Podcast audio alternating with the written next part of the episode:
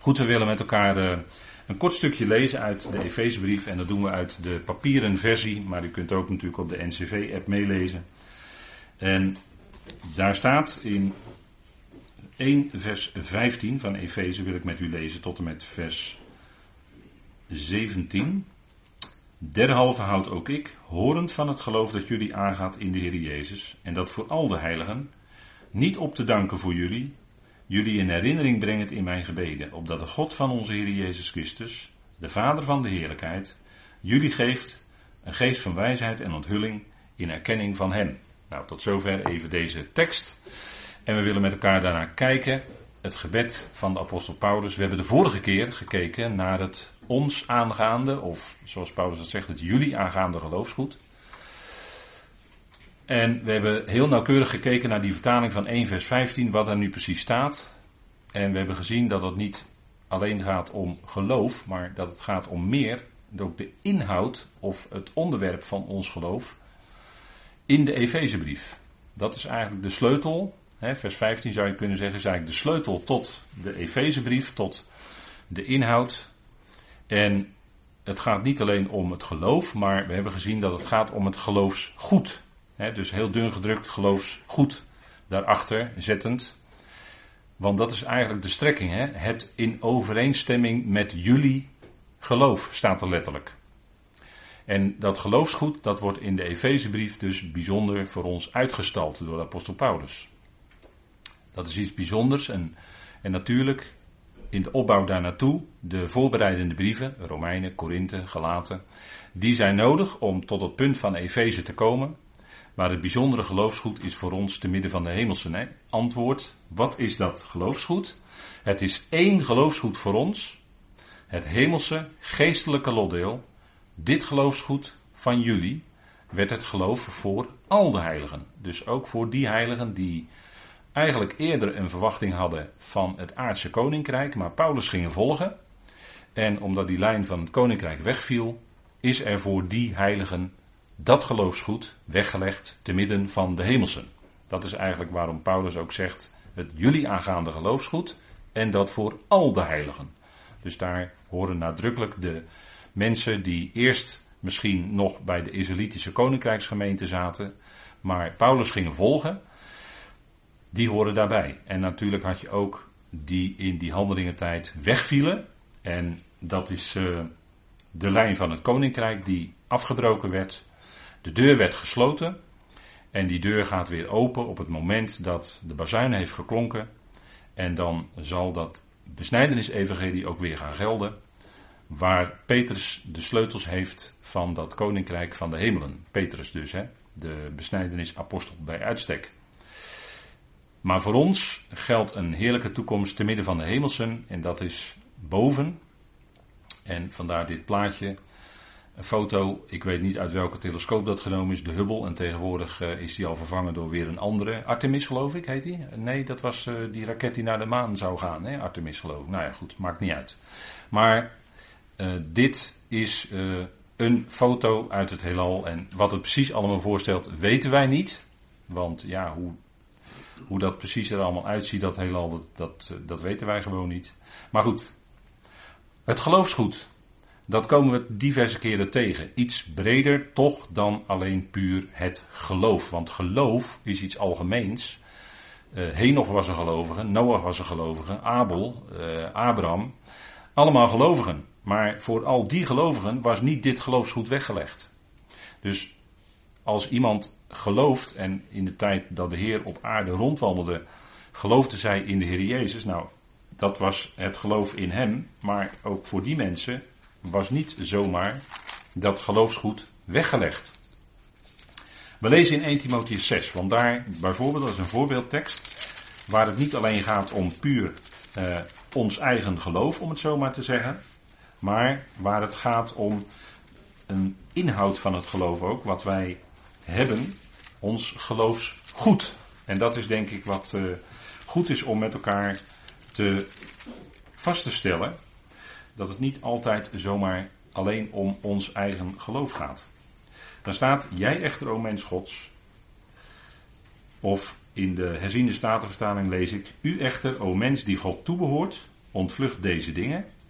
Jaag naar gerechtigheid, godsvrucht, geloof, liefde, volharding en zachtmoedigheid. En jaag naar geloof, dan zou je kunnen zeggen, ja maar je gelooft al en waarom moet je dan daar nog naar jagen? Maar als je dit iets breder wil zien vanuit eh, de achtergrond van wat we met elkaar nu bespreken, de Efezebrief, het geloofsgoed, dan krijgt dit een wat diepere inhoud, denk ik, wat Paulus hier tegen Timotheus zegt. Jaag naar dat geloofsgoed. Je hebt een geweldige verwachting.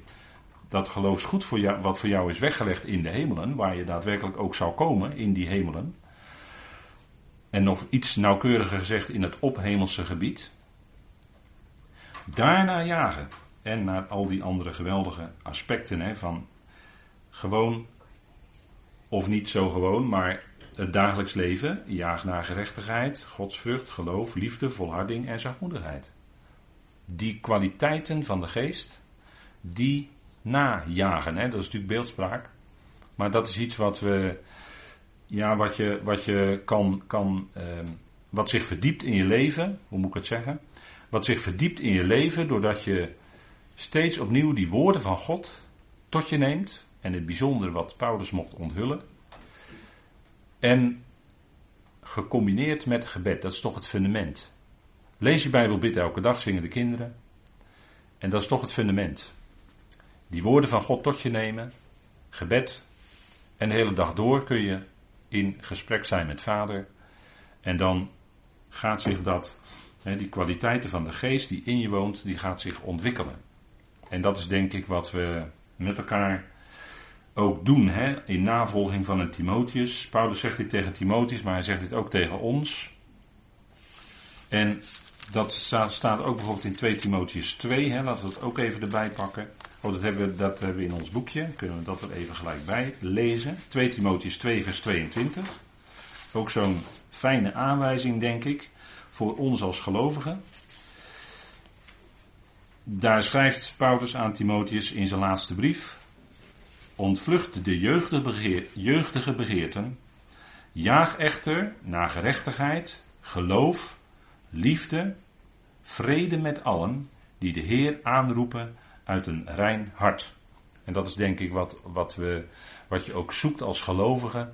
Als je dat woord volgt en samen dat woord tot je neemt, samen dat woord ook opzoekt.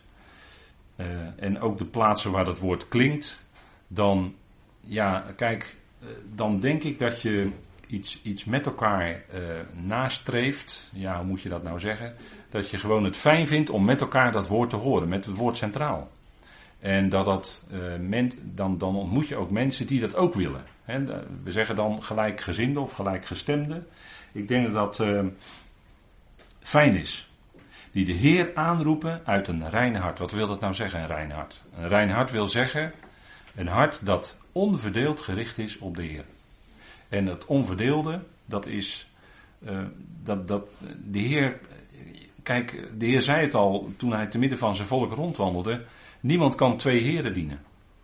Dat, dat gaat gewoon niet. Dus je kan niet en, laten we maar zeggen, de dingen die jij zelf graag wil nastreven of dienen, of dingen van de wereld, of wat je het ook maar, hoe je het ook maar wil noemen.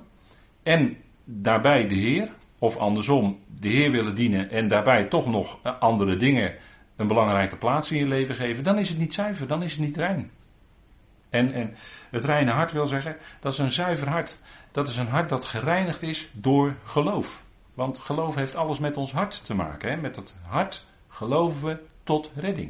En dat is natuurlijk, tuurlijk, God geeft dat. Maar dat is wel wat in ons hart is, hè? En dan noemt Paulus hier opnieuw die geweldige kwaliteiten. Jagen naar gerechtigheid, hè? recht doen in de praktijk. Recht willen leven. Geloof. Hè? Jaag naar geloof. En dan kunnen we dat iets breder misschien toch zien hier. Met dat geloofsgoed. Liefde en vrede met allen. Nou, liefde en vrede, dat zijn natuurlijk die kwaliteiten van de geest. De vrucht van de geest. En, en dat is ook een stukje heerlijkheid, wat, wat tegelijkertijd naar voren komt dan. Hè? Een stukje heerlijkheid van God. Als die vrucht van de geest in ons leven gaat, zich gaat eh, manifesteren, zich gaat zetten, dan is dat een stukje heerlijkheid van Vader in ons leven. God werkt het uit. Hij doet het. En als deze dingen naar voren komen en onderling functioneren, geloof, liefde, vrede, de band van de vrede, moet ik dan aan denken, hè? de band van de vrede. De eenheid van de geest bewaren, zegt Paulus, met de band van de vrede. De eenheid van de geest die is er. En die zouden wij bewaren met de band van de vrede. Dat is de aanwijzing van de apostel Paulus. Die eenheid kunnen we niet. Hè, kijk, eh, in, in bedrijven, daar heb je, dat heb ik ook meegemaakt, heb je van die bijeenkomsten die worden dan georganiseerd. En dat is vooral in, ja, dat is, eh, dan zeggen ze, hè, dat is dan het, dan het jargon wat gebruikt wordt. Hè, dat is dan om alle neuzen in dezelfde richting te krijgen. Dat iedereen helemaal voor dat bedrijf gaat. En iedereen voor dat product. En, noem maar alles maar op. Hè.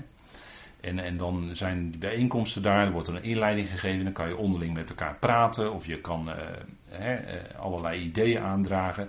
Waarop je nog meer gezamenlijk. Als, ware, als, als, als één, als één eh, medewerker. Als was het één medewerker met z'n allen.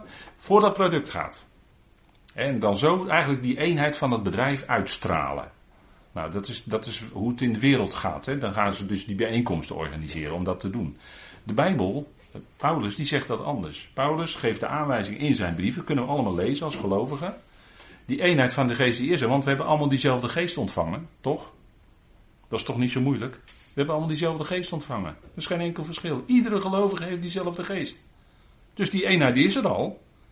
Alleen je moet je bewust worden dat je één bent met die, al die gelovigen en dat uitleven. En dat doe je met de band van verzoening. Dus vrede. Voor zover het van jou afhangt. Vrede houden met alle mensen, zegt Paulus in Romeinen 12. In zonderheid met degene die ook geloven. Nou, dat is voor ons de weg, hè. Dat is het paadje wat we belopen. Het pad van de verzoening. V, verzoening, vrede. Zelfde beginletter, hè. Makkelijk om te onthouden. En ik denk dat dat wezenlijk is voor ons als gelovigen. Vrede met allen die de Heer aanroepen uit een rein hart. Kijk, en het kan ook als, zo zijn als gelovige dat je, dat je ook als gelovige, dat, dat heb je ook wel eens hè, als gelovige, dan, eh, dan zijn de gelovigen die eh, naast, naast wat, wat, eh, ja, wat klinkt, zeg maar, toch nog iets, iets daarbij willen voegen van en eigen ideeën hebben, bedoel ik dan. Gelovigen die eigen ideeën hebben. En die dat dan willen inbrengen als, joh, laten we het nou, laten we het nou zo doen. Maar is dat dan jouw idee? Ja, zo ja, dan moet je toch kijken of jouw idee, uh, dan moet je denk ik goed toetsen aan de schrift. Of dat wel een schriftuurlijk idee is wat jij hebt. Of dat jij een menselijke oplossing gaat aandragen. Of uh, als ik het iets meer bijbels zeg, een zielse oplossing gaat aandragen waarop jij denkt dat het zou moeten. En zo gaat het vaak in gemeentes. Hè? Dan uh, zijn er allerlei mensen met allerlei geluiden, met allerlei meningen. En die vinden allemaal dat het. De een zegt het moet zo en de ander zegt het moet zo. En Paulus die geeft aan dat die eenheid van de geest er is en dat we die zouden bewaren met de band van de vrede. En dan gaat het niet om dat. Kijk, in de wereld, hè, in de wereld. Bedrijven, bedrijfsmatig denken is. Uh, wij, wij, wij hebben dit jaar hebben wij, uh, 1 miljoen euro winst gemaakt. En nou is onze doelstelling dat wij volgend jaar anderhalf miljoen winst gaan maken als bedrijf. Dus we gaan met z'n allen keihard er tegenaan om die half miljoen te scoren.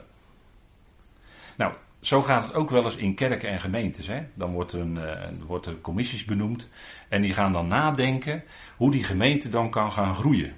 En dan zijn de doel, worden de doelstellingen gemaakt. Gebeurt allemaal hoor in de praktijk. Dit zuig ik niet uit mijn duim hoor. Maar dit, dit gebeurt allemaal. En dan gaan ze doelstellingen maken dat over vijf jaar. dat er dan niet eh, 100 mensen in de dienst komen op zondag, maar 120. Dus dan gaan we vijf jaar lang gaan we heel hard werken om 20 mensen extra in de dienst te krijgen. Ik denk dat dat een wereldse, wereldse manier van denken is. Want degene die roept is God. Degene die uitroept is God. En dat doet hij op een hele wonderlijke manier. Het kan zijn die ene keer dat je misschien uh, een boekje in, in, in, je handen gedrukt hebt gekregen van iemand of van een familielid. Op een verjaardag weet ik veel. Of dat je op de ene keer toe, nou ja, toevallig uh, op een website terechtkomt. En dan ga je lezen en dan denk je: hé, hey, hey, ik had vragen, maar nou ik toch ga lezen op die website. Ik krijg antwoorden. Ik krijg antwoorden vanuit de Bijbel. En dat geloof wat ik heb, wat eigenlijk bij mij een beetje is weggezakt en eh, een beetje traditioneel is. Het lijkt wel of het, of het, of het toch iets levens is. Of, eh, hè? En, nou, het kan zomaar zijn dat God op zo'n wonderlijke manier werkt. Zo werkt God. Die werkt niet met, via plannen, gemeenteplannen of kerkelijke plannen of modellen van we willen over zoveel jaar willen wij zoveel mensen meer.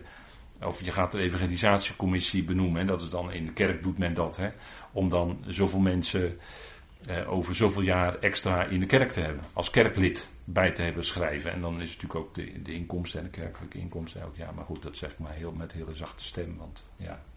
Maar dat is natuurlijk ook iets wat speelt, hè.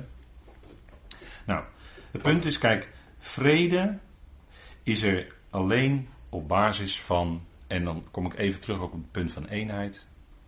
En dat zit een beetje vooraan in mijn gedachten, omdat binnenkort de nieuwste UR, het artikel, weer een artikel over het kruis, ja, ja, ja, weer over het kruis. Maar daar gaat het over eenheid door het kruis. Nieuwste UR, die gaat komen. Eenheid, werkelijke ware eenheid, kan er alleen zijn op basis van het kruis. En het artikel gaat het uit de doeken doen, dus leest u dat. Ik zou zeggen, leest u dat hè, als u, u eruit komt. Dat is denk ik een punt. Hè? Nou, 2 Timotheus 4 vers 7. We gaan nog, toch nog even die volgende tekst ook met elkaar bekijken. 2 Timotheus 4 vers 7. Ik heb de uitstekende strijd gestreden. Ik heb mijn loop ten einde gebracht. Ik heb het geloof bewaard. Verder is voor mij de krans van gerechtigheid gereserveerd die de Heer, de rechtvaardige richter, mij zal uitreiken in die dag. Ik heb het geloof bewaard. Wat zou Paulus dan bedoelen? Dat hij tot dat moment gelovig is gebleven alleen? Of zou dat meer zijn? Zou die niet hier bedoelen, als we denken aan het geloofsgoed, dat hij die geweldige toekomstverwachting in zijn hart, dat geloof, dat geloofsgoed, wat is weggelegd, en daar schrijft hij ook over. Want hij heeft het in de context hier over dat ophemelse, niet over een hemelskoninkrijk, maar over een ophemelskoninkrijk. Dat was zijn verwachting, had alles te maken met dat geloofsgoed. Daar, dat had hij vastgehouden. En natuurlijk was hij zich bewust dat hij het niet zelf had kunnen vasthouden, maar dat God hem dat gegeven had. Dat zegt hij ook, in, in, natuurlijk in al zijn brieven. Maar is dat niet hier ook dat geloofsgoed, hè? En het is, eh, kijk, dat, dat is in de Heer Jezus, in de Heer Jezus, de Heer Jezus, kijk, Paulus die heeft het in, in Efeze 1 over de Heer Jezus. Hè? Het geloof in de Heer Jezus. Maar wat heeft de Heer Jezus bewerkt? En hoe heeft hij dat gedaan? Dat heeft hij gedaan door sterk geroep en tranen, door lijden, hè, door moeilijkheden, door lijden heen. Is hij die weggegaan? En hij is, als ik denk aan Hebreeën 12, de leidsman en de voleinder van het geloof dus als het gaat om geloof, dan is hij de leidsman en de voleinde van het geloof. Zo heeft hij dat gedaan, die weg is hij gegaan. En dat is een weg geweest via lijden, met een lange ei, via tranen. Hij heeft gehoorzaamheid geleerd uit de geloofsweg die hij ging, want hij, was en is de gelovige bij uitstek, hè? leidsman en voleinde van het geloof. Hij heeft die geloofsweg gegaan en heeft gehoorzaamheid geleerd uit wat hij heeft geleden. Dat is een hele diepe weg. Die zoon met een hoofdletter die ging die weg. En dan moeten we niet gek opkijken dat wij als zonen, hè, als zonen, ook een weg van, ja, ook van lijden meemaken. En in welke vorm dat is, ja, dat is niet aan ons natuurlijk. Maar iedere gelovige is een zoon en die krijgt een vorm van lijden. En in het, in het verlengde van Hebreeën 12, dan, dan spreekt de Hebreeën schrijver, die spreekt dan over uh, tuchtiging. Dat is een beetje een zwaar woord misschien. Maar dat is uh, dat je, tuchtigen wil eigenlijk zeggen slaan. Hè, dat je in het leven geslagen wordt, zo wordt het ook wel eens genoemd. Door, ja, nou, het woord zegt het al, hè, tegenslag. Dat is een slag die, die kom je tegen, of die, die, die uh, komt jou tegen in je leven. Een stuk lijden veroorzaakt dat. Kwaad wat je overkomt. Wat hele lange gevolgen in jouw leven kan hebben. Wat enorm veel lijden in jouw leven kan betekenen, op welke manier dan ook. Besef dan dat het geen tekenen zijn, of dat het geen teken is van Gods ongenoegen, maar besef dan dat het een teken is van juist zijn, ten diepste zijn liefde. Dat is heel moeilijk te begrijpen voor ons. Maar het is ten diepste een teken van zijn liefde. Hij gaat mee door die leidersweg heen met ons, zoals hij meeging met de Heer. Door zijn leidersweg heen. En, en steeds opnieuw beseffen we, God is nabij. In dat lijden leidt hij ook met ons mee. De Heer leidt mee. Hij weet wat in ons omgaat. Hij kent ons van binnen. Hij heeft zelf enorm lijden meegemaakt. Wat een Heer hebben wij. Geweldig. Hij is die weg gegaan. Hij is de leidsman en de voleinde van het geloof. Heel bijzonder hoor. Het geloof in de Heer Jezus. Hè. Daar moeten ook niet zomaar langs heen lopen. Wie is Hij? Dat vraagt de wereld zich af. En misschien vroeg u zich dat ook wel jaren geleden af. Ja, die Jezus waar de kerk het over heeft, of waar, de, waar, eh, waar men het over heeft in het christendom. Wie is dat eigenlijk? Wie is dat, die Jezus? Ga de schriften maar raadplegen, dan kom je erachter wie hij is. En je hebt een leven lang niet genoeg om uit de schriften te ontdekken wie hij is in al zijn heerlijkheid. Want zijn heerlijkheden zijn zo groot. Hij is de hoogste. Hij is niet alleen degene die de man van smarten was, maar hij is nu aan Gods rechterhand verhoogd. Zijn heerlijkheid is groots. En wij zullen dat gaan zien als we hem ontmoeten. En hij is zelfs de. Uh, ja, hij is zelfs het hoofd, zegt Colossense. Hebben we met elkaar gezien in de Colossense-studie. Hij is het hoofd van alle overheid en gevolmachtigden. Hij staat boven al die geestelijke machten ook. Niet alleen de aardse, maar ook de geestelijke machten. Staat hij boven, hè? Zo groot is hij. Dat zouden we beseffen, hè? Jezus is de leidsman en voleinde van het geloof. Dus hij is de gelovige bij uitstek. Eén geloofsgoed. Paulus heeft het over in Efeze 4, vers 6, hè, over die zevenvoudige eenheid van de geest. Waar ik het daarnet al heel even over had. Maar dan heeft Paulus het over één geloofsgoed. Eén geloof, zegt hij. Maar als je 1 vers 15 eerst gelezen hebt, dan is dat eigenlijk dat ene geloofsgoed. En het wordt ook gecombineerd door Paulus in Efeze 4 met één verwachting. Het is steeds één, hè? Eén doop, één geest, één geloof. Dat is dat, en dat, dat is ook de inhoud van het geloof, hè? waar het in de Efezebrief om gaat. Die toekomst te midden van de hemelsen. Dat, dat gebied, die grote gebieden die wij daar gaan, gaan bereiken, al die hemelse machten en krachten die wij gaan bereiken. Dat heeft daar allemaal mee te maken. Dat is één geloofsgoed. En dat is een ander geloofsgoed, hebben we de vorige keer ook gezien, dan bijvoorbeeld Israël heeft. Of wat de 144.000 hebben. Of wat de twaalf apostelen van de besnijdenis hebben. Ons geloofsgoed is boven te midden van de hemelse. Uniek. En we zijn verbonden met, in de roeping met al die andere gelovigen. En dat kunnen we ook aan andere gelovigen kenbaar maken. Want dit is zo onbekend. Die hele boodschap van de Efezebrief is zo onbekend. En bij, bij veel gelovigen helaas ook. En, en dat kunnen we dan ook doorgeven hè? Als, als, uh, als iets geweldigs. Als iets wat, ja, wat we hebben mogen leren kennen. Waar we verwonderd over zijn geraakt. En vanuit die verwondering kunnen we dan die ander dat bekendmaken. Niet proberen die ander te overtuigen, want dan kun je toch niet. Maar je kunt wel spreken vanuit je verwondering van joh, ik heb nou dingen gehoord en er staan dingen in Gods woord in die Efezebrief, dat is toch wel heel bijzonder. Je hebt misschien wel gehoord van als je later, als je een gelovige bent, dan kom je later in de hemel. Ja, ja, dan zit je een beetje op het goede spoor al. Maar wat houdt dat nou in dat je in de hemel komt? Is dat dan dat je uh, met, met een harp de, de, rest, hè, de eeuwigheid gaat doorbrengen door psalmen te zingen? Dat is niet zo, hè? Dat is niet zo. En dat denken mensen wel eens. Op grond van teksten in openbaring bijvoorbeeld. Maar wat de Efezebrief kenbaar maakt. Dat die gemeente een unieke roeping heeft. Een speciale bediening. In de komende tijden. Die roeping. Die kunnen we dus ook aan andere gelovigen doorgeven. Want er zijn veel mensen die echt geloven met hun hart in de Heer Jezus. Maar die voor de rest alleen maar in alleen traditie kennen.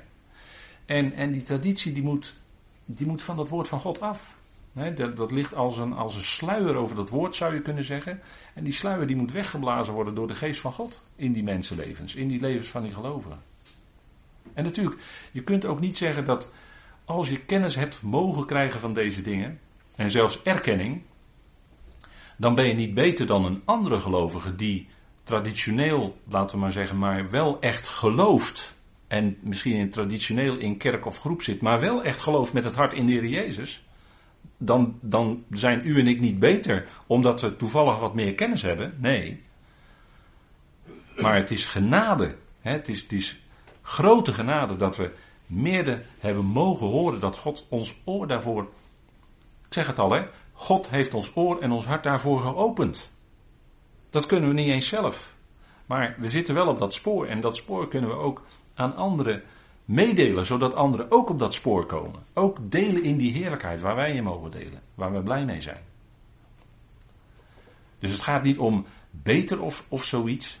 Helemaal niet. Ik denk juist als je die diepere waarheden die we mogen kennen, leert kennen, dat het jou tot een heel diep ootmoedig mens maakt. Dat je gaat beseffen, vader, ja, is het zoveel genade? Is heeft u zo'n plaats voor ons bereid? Dat had ik nooit kunnen vermoeden, dat had ik nooit kunnen bedenken. Hoe is het mogelijk? En als ik naar mezelf kijk, dan ben ik dat helemaal niet waard. Ben ik helemaal niet waardig. Integendeel. En toch geeft u het. En hoe meer je die rijkdom van genade hoort en tot je doordringt, hoe meer het jou tot een ootmoedig mens maakt. En zoals Paulus ook verandert. Hè? Van een agressieve Saulus die de, die de gemeente van God vervolgde in zijn fariseïsme. Maar, maar let op, zijn fariseïsme is die heel grondig kwijtgeraakt hoor. Heel grondig. Kijk maar in Filippenzen wat hij daarvan zegt. Hij heeft het schade en drek geacht. En u weet wat drek betekent hè. Dat is afvoer door het rioolputje. Nou ben ik wel helemaal duidelijk hè, wat dat is. Zo achtte hij alles waar hij zich zou, op zou kunnen beroemen naar het vlees, dus ook zijn fariseïsme, had hij volledig achter zich gelaten. Want, want, Filippenzen 3, want, waar, wat ging ver boven alles uit? De kennis van Christus Jezus. Daar ging het om. En dat die opstandingskracht van die Heer ook in zijn leven zich zou manifesteren. Daar strekte hij zich naar uit. En hij schrijft dat op een moment dat hij al tientallen jaren op weg was, zoals we dat dan noemen hè, als gelovige. En hij strekte zich naar uit dat die kracht van zijn opstanding in zijn leven zichtbaar zou worden. En het ging al het andere achter hij als vuilnis. Liet hij achter zich. Achter hij als verbeurd. Dat is ook het woord wat, wat we gebruiken. Hij achtte het als verbeurd. In het licht van de kennis van Christus Jezus zijn Heer.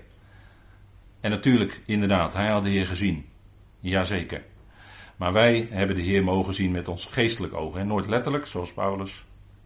Maar met ons geestelijk oog hebben we hem mogen zien. Innerlijk, met ons geestelijk oog. Dat klinkt misschien een beetje zweverig bijna. Maar zijn we iets gaan beseffen van zijn heerlijkheid. En als je iets beseft van zijn heerlijkheid. Ja, dan is al het andere valt daarbij in het niet. En, en natuurlijk, eh, steeds in ons dagelijks leven dringen dingen zich aan je op. En die willen dan belangrijk zijn of belangrijk lijken. Maar het kan best zijn dat het tegenwerker daarachter zit die jou op een ander spoor wil brengen. Heel subtiel. Hè, en die jou van het spoor van deze dingen af wil brengen. Nee, het gaat om deze dingen. Christus Jezus, ons hoofd. Die Heer, die is geweldig. Daar is ons hart en ons oog ons geestesoog, om het zo maar te zeggen, opgericht. Dat is heel bijzonder. En daar gaat de Efezebrief over. Hè? Hoe geweldig onze plaats is ten opzichte van hem als hoofd. De Colossensebrief gaat over zijn geweldig hoge plaats als hoofd boven alles. Daar staat dat meer op de voorgrond. Hè? Maar in de Efezebrief staat de gemeente die het lichaam van Christus is, komt meer naar voren. Waarvan hij het hoofd is, zeker, zeker. Maar die bijzondere plaats en roeping van de gemeente die het lichaam van Christus is. En dat zijn u en ik, dat zijn al die gelovigen wereldwijd. Ieder die echt gelooft met het hart. Hoe, dan zeggen wij, hoe eenvoudig ook en met hoe weinig kennis ook. Maar ieder die echt gelooft met het hart, die hoort daarbij. Want het is niet afhankelijk van kennis. En die zal dan straks in, in, in diepe verwondering kijken wat de Heer bereid heeft, ja, wat de Heer toebereid heeft voor degenen die geroepenen zijn en die Hem, al is het ook maar een heel klein beetje, zegt u, toch Hem liefhebben. Want die liefde heeft Hij dan in je hart voor Hem gegeven. Paulus bidt. En ik denk ook dat wij, als we deze dingen lezen, niet anders kunnen doen dan met Paulus lofprijzen en bidden. Want dat is eigenlijk het hele eerste hoofdstuk, hè, is eigenlijk lofprijzing en gebed. En, en het tweede gebed van Paulus is natuurlijk in Efeze 3. Dat is eigenlijk het hart van de Efezebrief, ook gebed. Hè. Ook wel bijzonder, denk ik, als je dat uh, beseft. Kijk, lofprijzing en gebed. Het eerste deel hebben we nu met elkaar besproken, vers 3 tot en met 14. En dan zegt u, nou, dat is geweldig hoog, hè, te midden van de hemelsen. Een hoge roeping, alle geestelijke zegeningen in Christus. We hebben, geen, we hebben geen materiële zegeningen. We hebben alleen geestelijke zegeningen in Christus te midden van de hemelingen. Nou, dat is een enorm hoog niveau. Maar dat tweede deel, dat gebed, is ook van dat hoge niveau. Daar zit je op hetzelfde niveau hoor. En Paulus die bidt dan in vers 15 tot en met 23. En we zien dat eerste deel dan als lofprijzing. En het tweede deel buigt hij zijn knieën ook of blijft, blijven zijn knieën gebogen, zou je ook kunnen zeggen. In gebed. En dat is ook wat ons leven, ons innerlijk leven, wat zich eh, aan, aan, aan de ander een beetje toch onttrekt. Maar ons innerlijk leven is toch vaak lofprijzing en gebed. Als je deze dingen hoort. En zeker als je deze dingen leert kennen. Dan denk ik dat je hart helemaal vol wordt van lofprijzing en, en dankgebed. Voor dit geweldige wat we met elkaar hier mogen bespreken.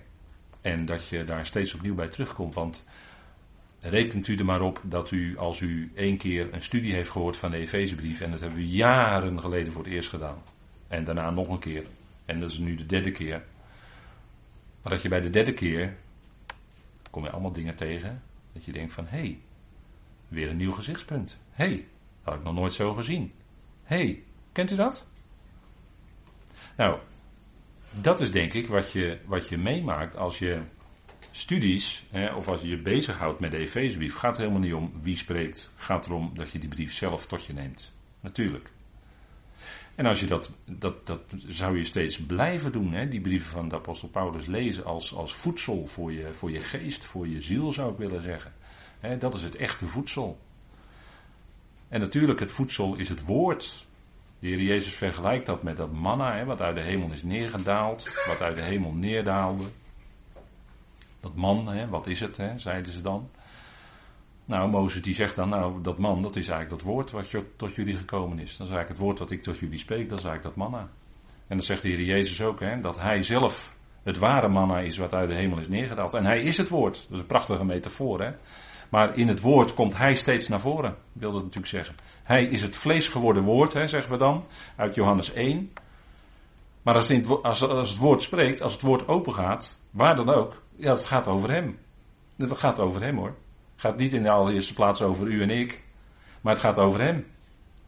En dat moet je leren. En dat ga je ook steeds meer zien als je dat woord opent. Maar de Jezus deed het toch zelf bij de Emmersgangers. Hij liet hem dus zien wat in de Torah, in de profeten en in de geschriften op hem betrekking had. Dat was heel veel. Ik denk dat hij maar heel even een aantal dingen heeft kunnen laten zien. Lang niet alles. Daar was de tijd te beperkt voor. 40 dagen is natuurlijk veel te kort. Eh, in zijn opstanding, maar ook eh, diezelfde dagen, direct na zijn opstanding, de Emmersgangers. Maar hij liet hem zien wat in de Torah, de profeten en de geschriften op hem betrekking had. Daar gaat het woord over. Gaat over hem. Hij staat centraal. En dat is ook dan, als je dat woord tot je gaat nemen, dan gaat het ook steeds meer worden, ja, wacht even, uh, nee, wacht even, niet ik. Niet ik, maar hij. Het is niet meer ik, maar Christus leeft in mij. Je weet wel, hè? Het is niet meer langer dat oude ikkie. Maar er is een heel nieuw ik voor in de plaats gekomen. En dat is niet langer ik. Dat is heel verblijdend hoor. Dat is Christus leeft in mij.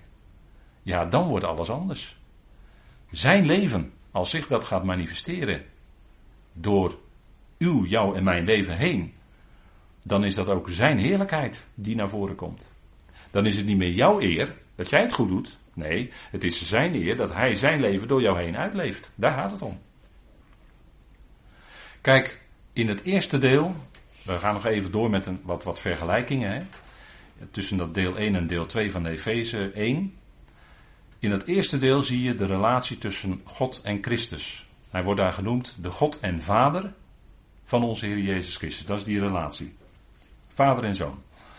God en Christus. God die de beschikker is over Christus. Christus is de gezalfde, de uitvoerder, de grote uitvoerder van het plan van God. In het tweede deel zie je de relatie van Christus en de gemeente naar voren komen in dat gebed. En dan zien we dat de gemeente het complement is van de Christus. Er ontbreekt iets nog aan hem. Hij is nog niet compleet. Dat klinkt raar, maar het is waar. Hij is nog niet compleet. Pas bij de bazuin wordt hij compleet gemaakt met zijn complement. En zijn complement is de uitgeroepen gemeente, het lichaam van Christus. Complement, weet u wel, dat is het laatste stukje wat toegevoegd wordt. En als het laatste stukje, dat is het complement, hè, dat laatste stukje. Als dat toegevoegd wordt, u weet wel, hè, die taartpunt, dan is het compleet. Pas als dat laatste stuk is ingevoegd, dan is die taart weer compleet. Maar haal je dat eruit, dan heb je in je hand dat complement, dat, die taartpunt, en schuif je die erin, dan is die taart weer compleet. Dat is complement, hè. Altijd een heel mooi voorbeeld, vind ik. Goed vasthouden. Gemeente is het complement van Christus.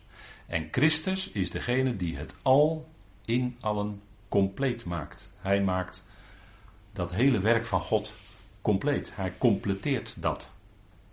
En dat is geweldig, hè? En wij samen met Hem zullen dat werk gaan uitvoeren tot completering van het al. Het al. Dan hebben we het over die hele schepping. Alles. Dat gaan wij compleet maken. En hij zet ons daarvoor in als instrument in zijn hand. Dat is geweldig, hè? Dat is geweldig. Kijk, dat is boven. Kijk, wij zijn geen koning en priesters op aarde. Dat is aan Israël. Maar wij zijn boven geplaatst als zonen. We hebben de plaats van zonen, Efeze 1, vers 5. We hebben de plaats van zoon gekregen. En dat is een plaats boven, niet op aarde, want op aarde is Israël als, wordt als zoon ingezet. Maar wij boven, wij zijn dus geen koning en priesters op aarde, maar wij zijn zonen boven, te midden van de hemelsen, om die tot onderschikking aan de Christus te brengen. Want het grote plan van God is natuurlijk dat alles aan God, aan Christus, ondergeschikt zal worden. Of onderschikkend zal zijn. Daar gaat het naartoe. Dat is gewoon 1 Korinthe 15. En dan mogen wij aan meewerken in dat plan. Heel bijzonder hoor. Volgende punt is, gaat het om ons geestelijk bezit in het eerste deel, dan gaat het om ons geestelijk inzicht in het tweede deel. Daar zullen we naar gaan kijken, waar Paulus dan precies voor bidt. Maar dat heeft te maken met geestelijk inzicht. Dat is dus geen vleeselijk inzicht. Daar had ik het net over, hè, dat mensen dan ook binnen geloofsgroepen hun eigen ideeën willen gaan inbrengen. Van ik vind dat het zo moet. En de ander zegt weer ik vind dat het zo moet. En de ander is organisatiedeskundige die zegt ik vind dat het zo moet. Dat, zijn allemaal vlees, dat is allemaal vleeselijk inzicht. Dat is geen geestelijk inzicht. Geestelijk inzicht is dat je alles baseert, hoe je ook als gemeente functioneert, op de schrift zelf. Dat is belangrijk, hè? Nou, volgende is dat we zien in deel 1 van Efeze dat alles onder één hoofd wordt gebracht.